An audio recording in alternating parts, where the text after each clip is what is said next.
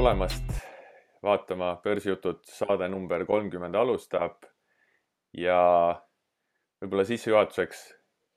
kiirelt äh, räägiks, mis siis vahepeal on äh, toimunud, et äh, eelmist saadet siin lindistasime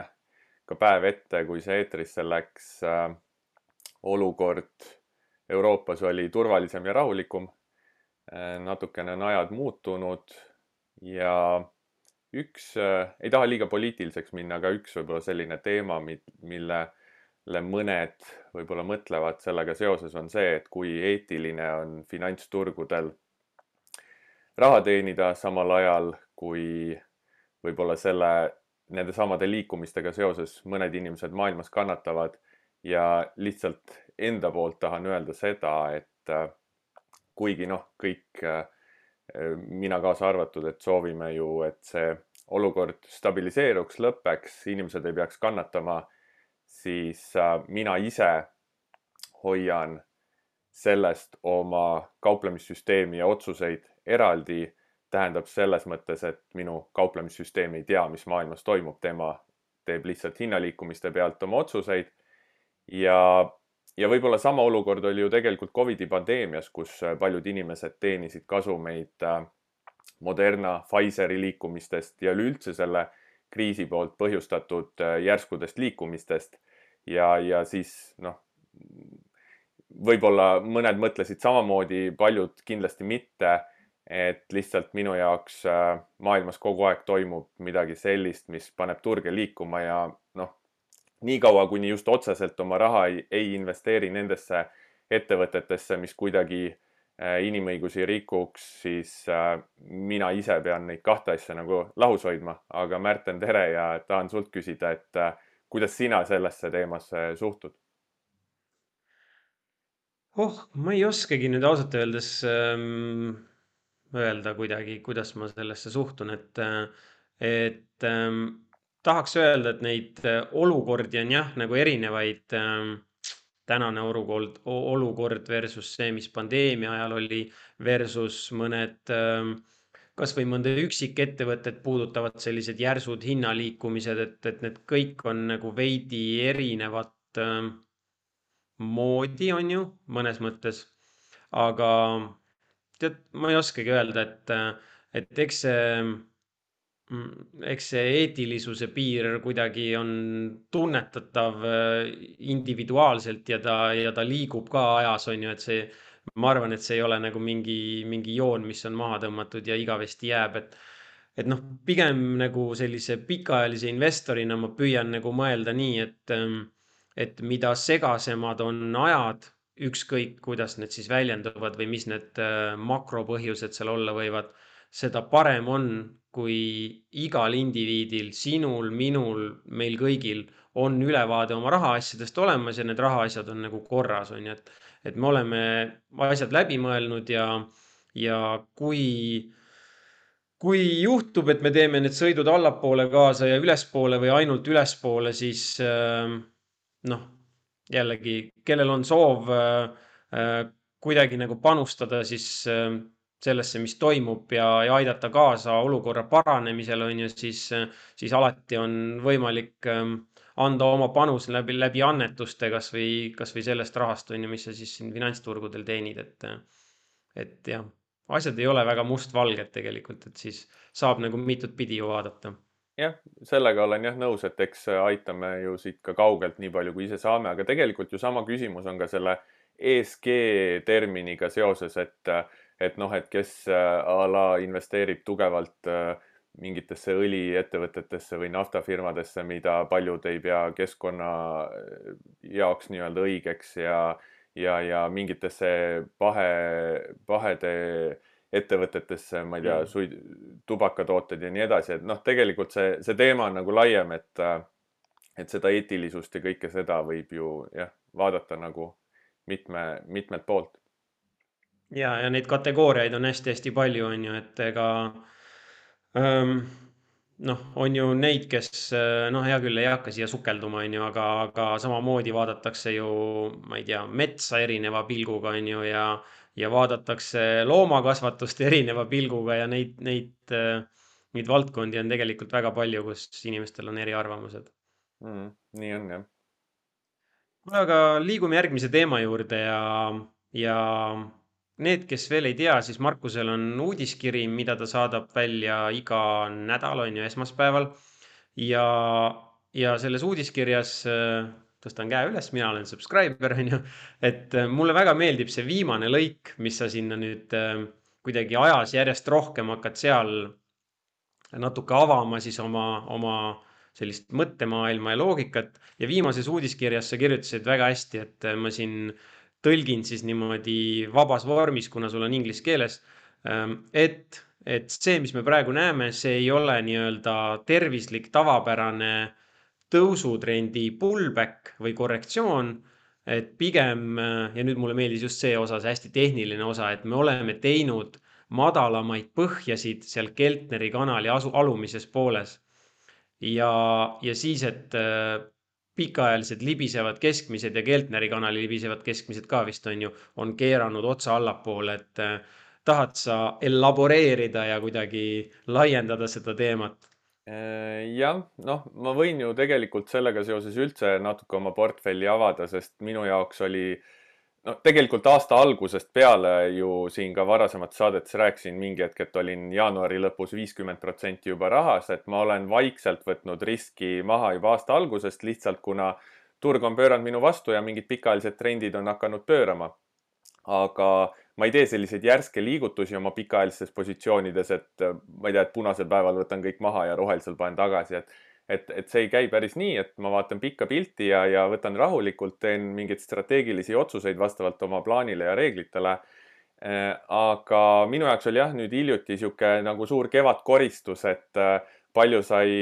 portfellist asju välja visatud ja see koristus ei olnud mitte sellepärast, et kevad on, vaid lihtsalt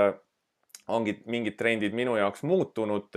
Kogu börsikeskkond tegelikult selles mõttes on muutunud, et võib-olla kui siin aasta tagasi, poolteist aastat tagasi oli nii, et ükskõik mida ostad, kõik lendab, on ju, siis nüüd nagu päris nii lihtne see keskkond ei ole, et lihtsalt ostad ja vaatad, kuidas tõuseb kõik. ja. ma just mõtlesin, et sul on äh, kevadpuhastus siis enne kevadpühade saabumist on ju iga aasta teed oma portfelli puhtaks. iga aasta, iga aasta ei tee, eelmine aasta ei teinud niimoodi. aga äh, võib-olla enne, kui ma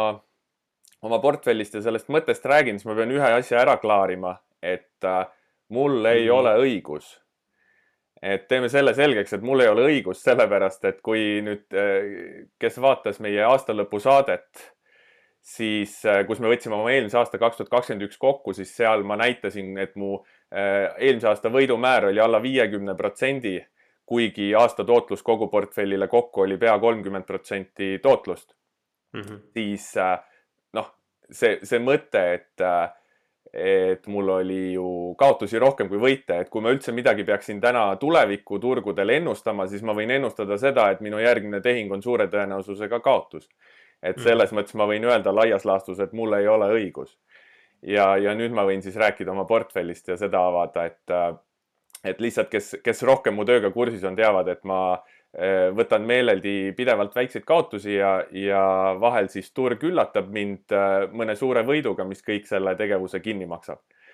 ja, ja see on see mõtteviis, äh, millest ma lähtun. nüüd portfellis on jah see, et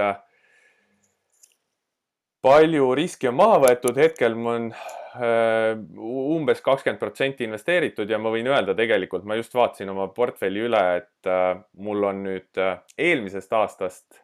eelmisel aastal avatud positsioonidest on mul hetkel lahti ainult kuld. kulla ETC-s olen pikk eelmisest aastast pikema vaatega. hetkel on tõusutrendi tagasitõmme. viimased päevad on punases olnud, see hetkel veel mind väljuma ei ole pannud. Kergelt on see positsioon endiselt plussis. nüüd üle-eelmisest aastast, kaks tuhat kakskümmend kevadest alates on mul siiani kolm aktsiat, kolmes aktsias positsioon. Need on, mis on minu jaoks endiselt tõusul, need on Apple, Berkshire ja Nvidia. Nvidia oli väga piiri peal äh,. ise ka üllatunud, et olen veel seal sees, aga sellised need enne paika pandud reeglid olid, et hetkel on see minu jaoks endiselt veel pullback olnud. Ja tegelikult need neli positsiooni mul hetkel veel ongi alles ja olen äh, paar lühikest positsiooni on tehnoloogias ja tsüklilistes, kõiguvad seal oma nulli ümber. ja, ja, ja tegelikult täna hommikul vaatasin, tegin juba oma sellise turuülevaate ära, et äh, kauplen hetkel ka SB viiesaja futuure pikaks. aga see on selline lühiajaline swing strateegia. et, et mhm. pikaajalises portfellis on päris suur koristus olnud, suur osa on rahas ja mitte sellepärast, et ma mingit suurt kukkumist äh, ennustaks ja, ja üldse, kui nüüd peaks näiteks äh, olemagi siin põhi ja pöörama turg tõusule, siis ma üldse ei kahetse, et ma olen aktsiad ära müünud, sest uuel tõusul nagunii tekivad uued nimed minu portfelli mm. -hmm. nagunii tekivad uued ettevõtted, ma enam ei kauple neid samu, mida eelmine või üle-eelmine aasta. Äh, suures osas, võib-olla seal, ma ei tea, Tesla tekib uuesti, võib-olla mingeid energiaettevõtteid, Oxy tekib uuesti portfelli aga, aga seda ma näen ja seda ma ei tea ette. Mhm. et äh, ja, ja selle uudiskirja kohta, mis sa küsisid, seal oligi see, et pikka aega ikkagi minu jaoks oli see nii-öelda aasta alguses veel tagasitõmme, täpselt nagu näiteks eelmise aasta septembris, kus ma vaikselt võtsin riski maha ja nii kui trend pööras tagasi ülesse, nii ma võtsin jälle riski uuesti juurde äh, ja avasin uusi positsioone pikaks. aga nüüd hetkel, äh, hetkel nagu see asi pööras natuke liiga palju minu jaoks ja langustrendil on kõvasid põrkeid, et siin viimased paar päeva on ka, oleme näinud tugevat rohelist, vahepeal päev on pluss kaks protsenti roheline. Ähm, see minu jaoks on tihti võib-olla veel langustrendi mhm. põrge, on ju, et äh, see ei ole minu jaoks veel uus tõus ja, ja noh, kes tahab täpsemalt aru saada, miks ma nii ütlen, võib minna vaadata kaks tuhat seitse lõpust alates kaks tuhat kaheksa aastat, kuidas terve aasta vaikselt veeres, veeres, veeres ja siis septembris oli see kõva langus, on ju. et mm -hmm. ma ei tea, kas seekord läheb nii või, või kohe kõik taastub, aga lihtsalt minu see eh, portfelli haldus, riskihaldus võtab vaikselt riski maha, kui turg läheb mu vastu ja paneb seda riski tagasi peale siis, kui turg töötab jälle minu kasuks mm no üks indikaator, millest me, hästi lihtne trendi indikaator, millest me varem siin saates ju rääkinud oleme, on on kuis, kuise sagedusega graafiku pealt vaadata siis kahesaja päeva libisevat keskmist ja, ja nüüd, kui me vaatame USA turgu ehk siis SNP viitesadat ennekõike, siis äh, see indikaator ju selgelt äh, vihjab langustrendi olemasolule nüüd. Jah, see strateegia, mida ma siin mingi saates number üheksa eelmisel kevadel äh, näitasin ja, ja hiljuti oma blogis ka sama strateegiat Nasdaq saja peal testisin, siis tegelikult äh, ma, ma nüüd ei mäleta, kas see jaanuari lõpust või veebruari lõpust on see strateegia väljas turult rahas, nii SB viiesajas kui Nasdaq sajas. ja noh, teadmata, mida tulevik toob, ta võtab lihtsalt riski maha ja, ja paneb selle peale tagasi, kui siis kuulõpp jälle selle kohal sulgub ja kuulõpp on noh, selle põhjusega et äh, ta võib seal ümber selle libiseva keskmise üles-alla hüpata ja vale signaale anda, et, et lihtsalt neid valesignaale vähendada, siis, siis see igakuine lõpuperiood annab nagu sellise, smooth ib seda või annab nagu sellise stabiilsema otsustamisprotsessi mm. -hmm vot, aga, aga jah, kokkuvõtvalt lühidalt, et, äh, et lihtsalt minu see, mis ma tahtsin veel öelda jah, see, see, et ma pikaajalistest trendidest väljun, see on normaalne, et mingid aktsiad lõpetavad minu jaoks selle nii-öelda mingi tsükkel saab nagu läbi. ma lähen osaliselt rahasse, aga see ei tähenda nüüd, et ma istun raha otsas ja vaatan ja ootan, vaid äh, ma ikkagi oma lühiajalisi swing'i ja päevakauplemisstrateegiaid jooksutan edasi, et selles mõttes ma väikseid tehinguid teen kuidas sa üldse siis määratled seda, et see tõusutrend on läbi, see on iga aktsia spetsiifiline ja, ja kuidagi samamoodi sõltub selle aktsia volatiilsusest, ehk siis vaatad neid oma neid Keltneri kanaleid jah, eks see trend on selles mõttes suhteline, et igaüks vaatab erinevat indikaatorit, et ja see ajahorisont on erinev, et, et kas sa kasutad äh, viiekümne, saja või kahesaja päeva libisevat keskmist mm., siis sa saad nagu enda jaoks selle erineva signaali, millal sinu jaoks trend algab või lõpeb. ja mina olen selle mingi ajahorisondi enda jaoks paika pannud, nii kui pikki trende mina tahan näha. aga üldiselt ongi see, et noh, Apple'it, Berkshire'it, äh, Nvidiat ma hoian, sest ma vaatan neid nii-öelda absoluutmomentumi pildis või, või ainult neid üksikult sest nad on nii suured large cap ettevõtted, et ma ei pane sinna mingit turufiltrit juurde, seal ei ole nagu mõtet. aga teatud ettevõtetel ma võtsin lihtsalt riski maha turufiltri tõttu. Äh, noh, näiteks energiasektor on endiselt minu jaoks tõusutrendil ja, ja absoluutmomentumi põhjal ma hoiaks neid edasi, aga lihtsalt kuna minu riskihaldussüsteem andis signaali võtta aktsiates riski vähemaks ja, ja selles potis sattus olema energia siis ma müüsin oma energia eelmise nädala lõpuseisuga maha okay.. et noh, jällegi siin paari päeva pildis see jällegi tundus nagu hea otsus, aga noh, see on nii lühiajaline, et see võib kuu aja pärast kõik palju kõrgemal jälle olla, aga, aga see ei olegi minu jaoks enam oluline. aga kui sa kulla ETF-iga toimetad või ETC-ga, siis äh, me oleme varem küll rääkinud ka sellest, on ju, aga toorainete neid börsil kaubeldavaid äh, tooteid sa ei ole siis seni vaadanud või? Ma ei ole spetsialiseerunud toormetele, mul ongi lihtsalt, nagu ma olen öelnud, see Bitcoin, kuld, euro, dollar lisaks aktsiatele ja, ja pigem äh, olen spetsiali-, spetsialiseerunud USA SB viiesaja ja midcap äh, ettevõtetele ja, ja olen nii-öelda oma selles universumis, et äh, ma ei, ma ei, ma ei taha nagu liiga laiali seda ajada, et äh, siit-sealt, kust iganes midagi liigub, et, et seal aktsiates on piisavalt äh, tegemist mm. arusaadav aga sarnane küsimus sulle tagasi, et äh, lugesin hiljuti su blogist ja, ja sul oli seal äh, suur küsimus äh, või noh, ütleme selline teema välja toodud, mida teha täna börsil ja seal oli siis sul neli varianti ilusti välja toodud, pikemalt seletatud lahti. esiteks ennustan ja panustan. number kaks, kaitsemäng. number kolm, püsi kursil ja kata tagala ja number neli, märka murdepunkte ja otsi keskpikki võimalusi. ja sa enda tegevusest seal väga ei kirjutanud, siis ma küsiks niimoodi otse vaatajatele, kuulajatele ja ka iseenda jaoks, et millist äh, punkti nendest neljast sa ise nüüd siis rakendanud oled ja rakendad mm? -hmm. no number kolm ehk siis äh, püsi kursil ja, ja kata tagala, et see on kuidagi läbi aja olnud see, mis on minu minu see strateegia mugavuskoht ja, ja karakterile kõige sobilikum lähenemine. et vahest, kui on ähm, siis seda värsket äh, raha ja, ja võimalusi või, või teist poolt ka nagu ajalist ressurssi, et siis ma vaatan ka seda neljandat varianti, ehk siis otsin neid äh, murdekohti ja, ja, ja, ja keskpikas ajaaknas siis proovida panustada. aga täna ma ütlen nagu ütlen nagu otse välja, et ainus asi, mida ma võib-olla olen vaadanud siis äh, nende murdepunktide osas ähm, on äh, veidi kaitsetööstuse poole, aga huvitaval kombel mul kaitsetööstuse aktsiad, äh, ostsin neid viimase kahe-kolme aasta jooksul oma portfelli päris palju, sest üksikaktsia analüüsi tasandil ma nägin, et nad on tsükli mõttes nagu soodsad ja, ja heas kohas. et seal ma otseselt midagi nüüd juurde ei tee, pigem ma vaatasin äh, vaatasin seal võimalusi, et kas ähm, midagi nendest nii-öelda nõrgematest tegijatest siin suure ralli ajal äkki hoopis äh, vähendada või maha müüa. lõpuks ma seda ka ei teinud. ja, ja teine pool, mis ma vaatasin, on natukene see toorainete pool, et äh, et see on mul hinge peal olnud alates sellest ajast, kui me rääkisime sellest Dragon portfooliost ja ja, ja üldse eelmise aasta maikuust ma mäletan, et siis ma panin omale mingisugused äh, toorainete äh, korve järgivad ETF-id või ETC-d siis omale watchlist'i ja, ja nüüd ma siis lihtsalt olen vaadanud, kuidas nad muudkui hinnas tõusevad, ilma et ma oleks neid oma portfelli soetanud.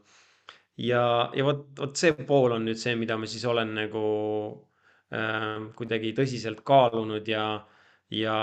ja, ja teistpidi annan siis endale aru, et noh,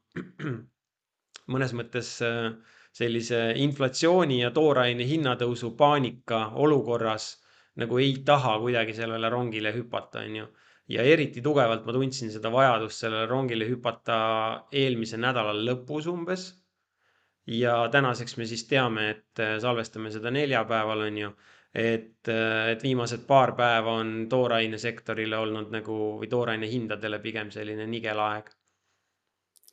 jah, äh, see on hea tähelepanek ja minu arust ongi see, et kui juba kõik kõvasti räägivad mingist konkreetsest sektorist või investeeringust, et nüüd on vaja peale hüpata, et nüüd on nagu, siis kui kõigil on nagu selge, et nüüd seda oleks pidanud ostma, et nüüd ostke,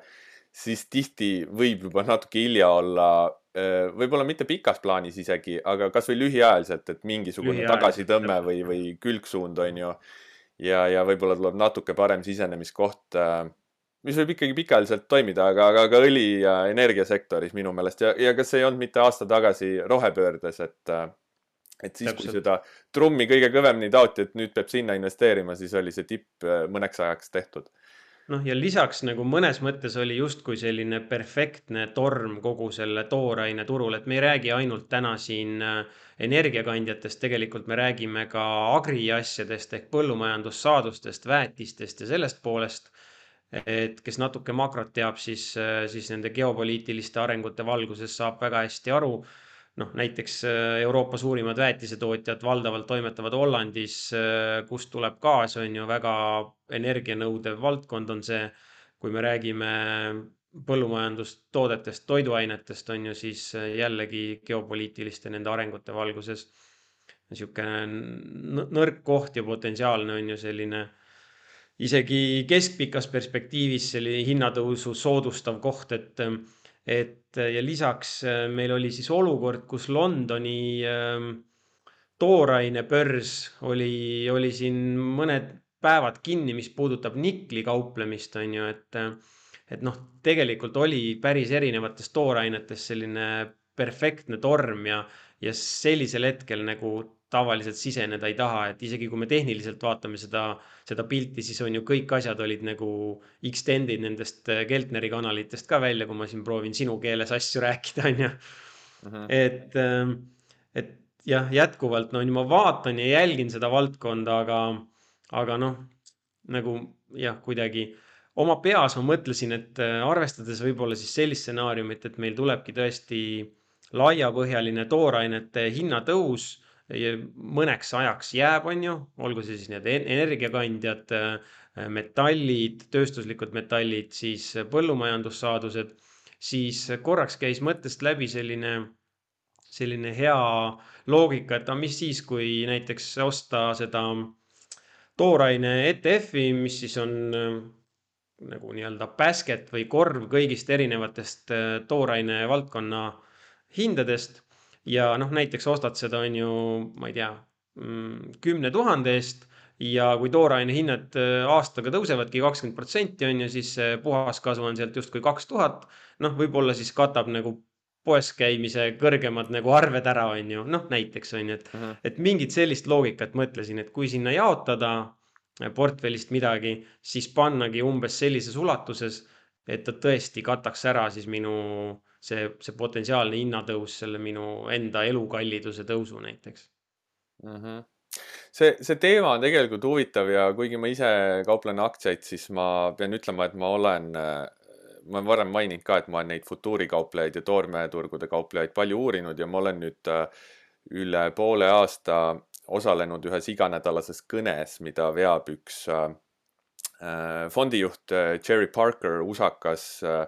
Floridast, kes äh, haldab sadat miljonit, millest enamus on ta enda raha. ja väga õpetlik on nagu otse sellise, selliste inimestega suhelda, saada neilt küsida mida iganes nende kogemuse kohta, ta on ise turgudel olnud aastast kaheksakümmend kolm aktiivne. Ja, ja, ja paneb ennast ka tihti mõtlema, et need toormeturud praegu väga aktiivsed ja, ja nii-öelda aktuaalsed, et, et, et võib-olla rohkem neid, neid futuure uurida, vaadata. Aga samas vaata jälle noh, väga pikka pilti vaadates jälle tuletan endale ka meelde, et see kõik on tsükliline, sest äh, nendel, sellel seltskonnal oli kaks tuhat kolmteist kuni kaks tuhat kaheksateist väga raske ja kehv periood äh, sellisel pikaks lühikeseks äh, toormete trendikauplejatel peale seda QE-d keskpa-, USA keskpanga poolt. Ja neil oli kehv periood, ei olnud korralikke trende, oli palju valesignaale investorid tõmbasid fondidest raha välja, paljud fondijuhid läksid edasi teistesse varaklassidesse ja mõned, mõned sellised äh, süstemaatilised reeglipõhised kauplejad nagu tema äh, jäid kindlaks, äh, jäid kindlaks oma meetodile, oma, oma varaklassidele ja strateegiatele. Ja noh, nüüd siis viimased kaks-kolm aastat on nagu kõvasti jälle raha teeninud, mm. jäädes siis truuks omaenda asjale et äh, noh, mingil määral nagu endal ka vahepeal tekib see huvi selle vastu, aga noh, ei ole, ei, ei ole püüdnud väga äh, niimoodi järsult oma kurssi muuta. see on see koht minu jaoks isiklikult ka, ka see koht siis, kus ma püüan aru saada oma mõtetest ja tunnetest ja kust nad tulevad, on ju, et, et vahest on äh, liiga palju teadmisi või nii-öelda siis nagu põhjalik teadmiste pagas on nagu kahjuks, on ju, investeerimisotsuste tegemisel, et, et äh, minu fondijuhi karjäär sai alguse aastal kaks tuhat kuus siis ma olin suhteliselt jumbu, ei osanud asju on ju niimoodi laia pilguga väga vaadata. siis tuli kohe peale see suur finantskriis ja, ja siis, kui ma nii-öelda jalad alla sain siis fondi juhtimise vallas ja oskasin võib-olla asju natukene suuremalt näha ja, ja suurt pilti vaadata, siis oli täpselt just see aeg, kui äh, toorained tegid oma selle supercycle'i tippu on ju kaks tuhat üksteist, kaksteist, sealt al-, sealt alates on olnud siis selline noh, ongi olnud väga raske periood kõikide toorainete turul äh,. alainvesteerimise periood pikalt-pikalt-pikalt kuni siin praktiliselt eelmise aastani välja. Ja, ja siis ma tunnen, et mul on see sisemine ankur seal paigas, et nagu commodity on igavesti tsükliline, keeruline ja, ja ma olen seal mingites terasetootjate ETF-ides kunagi minevikus sees istunud, mingi oodanud nagu ma ei tea, kolm, neli või viis aastat seda lunastust on ju, olnud mingi miinus viiskümmend ja noh, igast nagu igasuguseid siukseid mitte kõige paremaid kogemusi on omal nahal läbi tehtud ja, ja siis see ankur ongi väga tugevalt seal, et commodity nagu sakib, on ju. et, et ma püüan nagu kuidagi ennast ka ümber pöörata, et et ajalugu on näidanud, et need, need supertsüklid, nad ikkagi on päris pikad, ma ei tea, viis-seitse aastat kuni kaksteist aastat võib-olla. et noh, mine sa tea, äkki me siis praegu olemegi selle uue tsükli, pikaajalise tsükli alguses ja, ja miks mu enda sisetunne sinna kõige rohkem kaldub, on, on just seesama alainvesteeritud pool, et, et juba see, et toorainete hinnad trendisid alla aastaid, oli piisavalt keeruline olukord, et ettevõtted vähendasid investeeringuid, siis tuli kogu see rohepesu peale, et peksti nagu veel rohkem, et ei anna sulle laenu, on ju, uute maardlate avastamiseks ja, ja nii edasi mm. -hmm. ehk siis tegelikult see pakkumise pool on ikkagi päris selline kuidagi nõrguke ja, ja selle ümberpööramine, jälle, kui me vaatame ajalugu, siis võtab tavaliselt ikkagi noh kaks, kolm, neli aastat, kuni need tehtavad investeeringud hakkavad siis äh, seda, seda pakkumist on ju suurendama, mis iganes äh, toorainest me räägime jah, vot sellega võib jälle olla see, et tegelikult järgmise kümne aasta pikas perspektiivis võib-olla see ei ole üldse halb mõte hakata toormetesse vaatama lihtsalt, et kas täna võib-olla, kui kõik nagu järsku mõtlevad selle peale mm -hmm. ja tahavad minna, et, et äkki on nagu hea aeg seda plaani ja strateegiat järgmised pool aastat nagu Eh, välja töötada ja siis, kui selline lühiajaline huvi on madalam või, või mingil määral kadunud, et siis nagu sekkuda ise. et eh, see tundub nagu selline turu sentimendi osas võib-olla parem viis, aga no ma ei tea, ei, ei püüa ennustada, aga, aga see on huvitav, et äh, mul oli tegelikult üks küsimus, see on huvitav, et sa selle Dragon Portfolio saate üles tõid, sest ma eile õhtul vaatasin seda uuesti mm. järgi äh,. saade number neliteist, mida me eelmise aasta maikuus tegime. Ja sellest äh, Dragon Portfoliost seal rääkisime. Ja tahtsin tegelikult sinu käest küsida, sest miks ma seda uuesti vaatasin, seda PDF-i ka, seda portfelliteooriat, oli see, et äh, palju on hakatud siis äh, rääkima sellest, et me võime olla minemas sinna stagflation'i perioodi või, või stagflatsioon siis, mis viimati oli seitsmekümnendatel, mis siis, ma saan aru, et tähendab seda, et inflatsioon ja, ja kasvu aeglustumine on samal ajal. Äh, ja, ja, ja viimati oli selline periood siis nii-öelda seitsmekümnendatel ja, ja selle stagflation'i terminiga ma hakkasin mõtlema, et seal Dragon Portfolios oli ka mingi see periood ja ma võtsin selle lahti, vaatasin, seal oli siis stagnatsiooni periood kuuekümnendatest kuni kaheksakümne kolmanda aastani vist eh,. nii-öelda seitsmekümnendad jäid siis sinna sisse ja, ja seal siis oli täpselt see, et aktsiatel ei läinud otseselt kehvasti aga hästi läks siis commodity trendil. Long vol oli, long vol'i jaoks ehk siis volatiilsuse, volatiilsuses pikaks minemiseks oli see vist ainuke hea äh, nii-öelda tsükkel või periood ja, ja ka kuld, on ju. noh, ma kuidagi ei püüa, kuna ma praegu ise kulda üsna suurelt hoian, siis ma ei püüa kuidagi mõjutada oma seda positsioonihaldust sellega, et äkki nüüd on hea aeg, et ma ikkagi eh, haldan seda oma tehnilise analüüsi põhjal, aga, aga ka kuld oli seal sees. ja, ja ka kinnisvara tegelikult tõusis vist päris hästi seal kulla puhul oli muidugi erikaasus seitsmekümnendad, sest siis lasti see kulla hind vabaks. ja seal oli see gold shock jah, jah. jah, siis me võime ja. öelda, et võib-olla see, see hinnahüpe, mis me nägime, oli see kolmkümmend kuni viiskümmend aastat kinni hoitud kurssi on ju, mis järsku tegi siis mõne aastaga nii-öelda tagantjärgi jah, sa, samas nagu ka seal saates ma ise ütlesin, et ma selle kulla ise tegelikult paneks selle commodity trendi alla, et mm., et ma võtaks selle koos äh, energiaõli, toormete, toiduainete, viljade, ma ei tea, mis iganes toormetega, paneks ta sinna kõrvale ja haldaks samamoodi oma trendifiltritega, et, et, et noh, see minu jaoks see kuld käiks sinna commodity alla. aga, aga miks ma seda vaatasin, siis oligi see stagnation, stagflation nii-öelda see inflatsiooni ja languse periood koos viimati seitsmekümnendatel ja mõtlesin, et ma võtan selle teema siin sinuga üles ja küsin sinu käest, sa nüüd natuke mainisid ise ka seda, aga et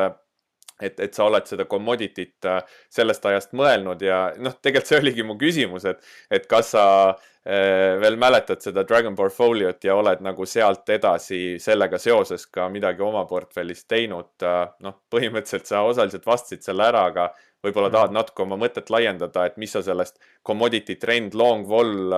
Äh, ja, ja võib-olla aktsiatel ei lähe nii hästi, mis sa nagu sellest ise arvad? Nojah, me teamegi, on ju, minevikust minu paar lemmikgraafikut pärinevad äh, Deutsche Banki iga-aastasest äh, raportist long term, mis iganes see oli, market study või kus nad vaatavad siis äh, erinevate varaklasside lõikes noh, juba tänaseks peaaegu äkki sada kakskümmend või sada viiskümmend aastat tagasi on ju dekaadide lõikes ähm,, erinevate perioodide lõikes a la kakskümmend viis, viiskümmend, seitsekümmend viis ja sada aastat. Ja, ja kõigi varaklasside lõikes, mis nad välja on toonud, kõige nigelam vaieldamatult on toorained üle pikaajalise sellise horisondi, kui me vaatame inflatsiooniga kohandatud tootlusi Mhm. ja, ja see on nagu minu aiu ka nii tugevalt juba juurdunud, et see on siis see teine ankur, selline võib-olla täna selline paha ankur, mis mul on, et, et hoia sellest commodity või, või toorme, noh, mitte toormesektori aktsiatest, aga toormesektorist või toormes, toormetesse otse investeerimisest nagu eemale. ja, aga teisalt on ju selle, selle pikaajalise nii-öelda nigela tootluse sees on meil need meil ongi need supertsüklid või selliseid, sellised aastaid kestvad äh, boom and bust äh, tsüklid seal, seal toorainete valdkonnas ja ja noh, sealt need mõtted ongi tulnud, et võib-olla praegu me oleme siis sisenemas sellisesse äh, määramatusse ja määrama, kõrgema määramatusega perioodi ja võib-olla ka siis sellesse pikaajalisse toormete hinnatõusu tsüklisse, et äkki peaks võtma siis otse toormehindade Äh, mingisugust ETC-d või ETF-i. teisalt, miks ma nagu väga ei kiirusta, on see, et mu portfellis on äh, toorainesektori ettevõtteid ikkagi päris, päris palju, ma ei oska seda protsenti öelda, aga, aga ütleme, et enne pandeemiakriisi, kui veel nagu turud olid siis nii-öelda veel normaalsed, siis ähm, ma arvan, et need erinevad maavarade ja toorainesektori ettevõtted moodustasid vabalt võib-olla kakskümmend, kakskümmend viis protsenti minu portfellist või, et no nagu päris, päris suur osakaal oli. top viies oli põhimõtteliselt äh, kolm suurimat positsiooni olid siis toorainesektori ettevõtted. nimed, nimed, tikker, rahvas tahab tikkereid teada rahvas tahab tikkereid teada. Need tikkerid iseenesest äh, nagu midagi võib-olla täna ei ütle, sellepärast et seal on ülevõtmisi tehtud, et no näiteks mul oli üks ettevõte äh, Noble Midstream Partners, äh, mille ostis ära Chevron ja nüüd on nagu Chevron siis mu portfellis olnud siin tükk aega. samamoodi äh, Royal Dutch ja, ja, ja siis äh, on ka kivisöesektorist, aga seal ma neid nimesid välja ei hõika, et see on nagu väga selline väga, väga riski business, et ei taha siin kuidagi kellelegi midagi nii-öelda halbu vihjeid anda või mida iganes. Mm.. et noh ma lihtsalt ütlen, et selle kivisöeettevõttega tegin läbi mina sõidu, kus, äh, kus ta oli siin aastaid tagasi, võib-olla kakskümmend, viisteist, kukkus seal paari dollari peale ja, ja nüüd ta on siis taastunud kenasti sinna, et nii-öelda ähm, noh, nii selles soetushinna mõttes ma olen plussis, on ju, aga kuna tegu oli selle hoogsa dividendimaksjaga, siis, siis sealt on pigem positiivne tootlus tulnud aastatega. ja lisaks veel siis igasugused seal agri poole peal ka mõned ettevõtted on läbi aja portfellis olnud ja, ja sellepärast ma siis äh, ei olegi väga kiirustanud otse neid toorme hindu peegeldavaid tooteid ostma, et, et ma praegu näen, et need ettevõtted seal portfellis töötavad päris hästi ja, ja siis nagu nii-öelda väga kiiret ei ole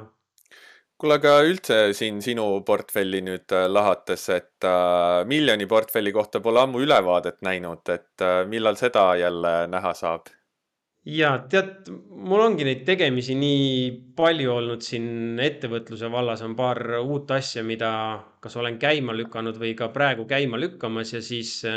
siis ütlen ausalt, et natuke see blogi pool on jäänud, jäänud soiku ja enda mingisuguste numbrite kokkulöömine ja enda investeeringutega ka väga aktiivselt enam noh, nagu ei ole lihtsalt aega ja, ja soovi tegeleda praegu. aga noh, kõik läheb nagu selles suhtes plaanipäraselt, et äh, ETF-e ma ostan iga kuu nagu kellavärk esimesel ja viieteistkümnendal kuupäeval. Ja, ja muus osas, äh, kuna minul on ikkagi veel mingi kerge võimendus peal seal ettevõtte portfelli all, siis mul seda, seda vaba ressurssi, et nüüd hoogsalt siin osta või, või midagi toimetada väga palju ei ole, et ma pigem pigem pean vaatama selles osas, et ma ennast nagu üle ei võimendaks, eriti arvestades seda, et need uued ärid, millega ma toimetan ja, ja käima tõmban, et need on jätnud selge jälje siis minu olemasoleva ettevõtluse rahavoo poole peale, on ju, et et ma, ma püüan manageerida oma rahavooge siin täna võib-olla kõige rohkem ja siis suunan energia nendesse uutesse äriprojektidesse okei okay,, sest huvitav on kuulata, vaat mida teised kogenud investorid, kauplejad oma portfellis teevad, sest noh, ma pean ütlema, et big balls, et, et äh, võimendus on lahti siin äh, esimeses kvartalis, et äh, noh, ma lihtsalt ise vaatan, et, et ma võtan nagu pidevalt riski vähemaks ja, ja mingid energiad ja, ja mingid asjad vahepeal lendavad, aga mingid aktsiad ikka veritsevad ja siis kogu portfell liigub seal nulli ümber, on ju, mis on ka mingil perioodil hea, on ju, kui kui ka lihtsalt ei kaota, on ju, kapitali, aga noh, ma saan aru, sinul on muidugi portfell on teistmoodi üles ehitatud, sul on ta hajutatud paremini äh, sektorite mm. vahel ja, ja mingeid äh, kaitsvaid ja, ja, ja, ja muid varasid, mis, mis võib-olla sellises perioodis just, äh, just tõusevad, on ju. aga kuidagi jah, äh, minul endal annab seda rahu vahepeal see, kui, kui langeval turul lihtsalt äh, raha osakaal on kõrgem noh, mul on pandud nagu igaks juhuks mõned äh, kaitsvad stopid sinna ettevõtte portfelli, et äh, et mingi sihuke hästi igav dividendi aktsiate ETF, mis põhimõtteliselt kaupleb oma viiekümne kahe nädala haide lähedal, on ju, vaatamata sellele turu üldisele korrektsioonile. et äh, igaks juhuks olen sinna pannud stopid, et kui, kui seal mingit nõrkust äh, hakkab näitama, et siis tulen sealt välja ja läbi selle saan Äh, vähendada siis oma seda finantsvõimendust ja, ja veel mõned pandeemiakriisi põhjas ostetud asjad, mis on, mis on nagu väga hoogsalt siin tõusnud ja et siis olen pannud sinna ka need, need stopid peale ja läbi selle haldan siis seda võimenduse poolt. okei okay., väga hea, selline hea ülevaade hetkeolukorrast ja ma arvan, vaatajad-kuulajad said, said natuke aimu, mida me ise oma portfellis teeme ja, ja äkki said mingeid ideid ka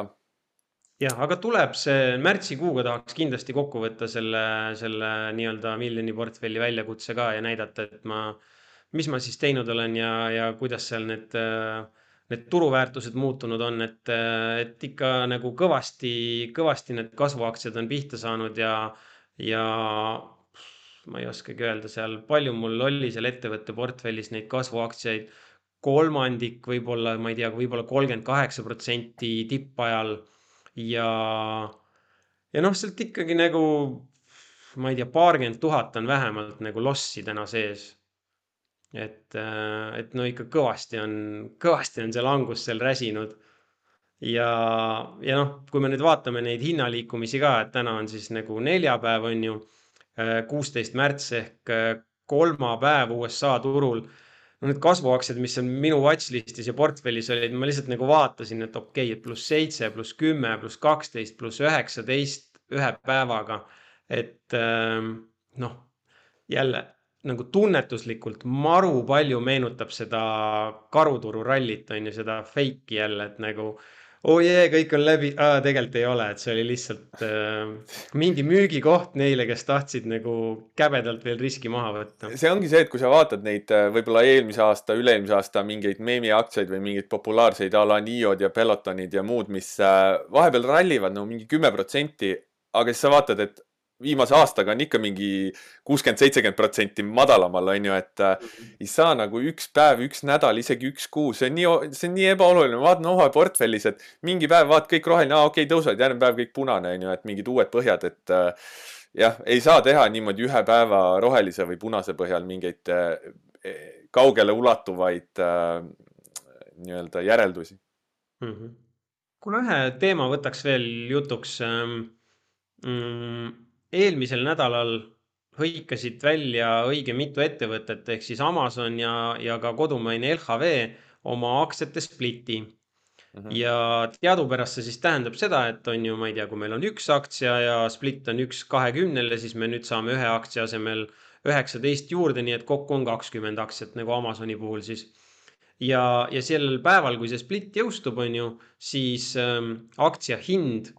siis ka sellesama kordaja võrra väheneb. ja minu küsimus sulle on see, et, et kas sul minevikus on olnud portfellis neid splitte ja,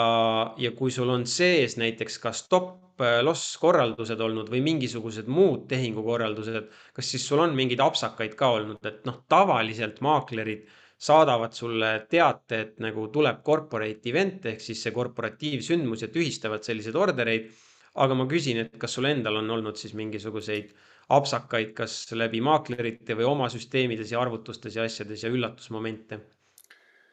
tead, apsakaid ei ole nagu väga olnud, knock on wood ja ja olen splittides olnud küll, äkki kaks tuhat kakskümmend oli Apple'il ja Teslal mm.. Teslal oli vist isegi viiekordne ja ja Apple'il oli ka seal mingi split, kas oli kaks tuhat kakskümmend lõpp või kakskümmend üks algus, täpselt ei mäleta, aga oli. ja ei, minu meelest äh, kõik on alati olnud nagu rahulik, et tuleb mingi uudis, äh, kajastatakse, näen, äh, maakler annab teada ja minu meelest maakler äkki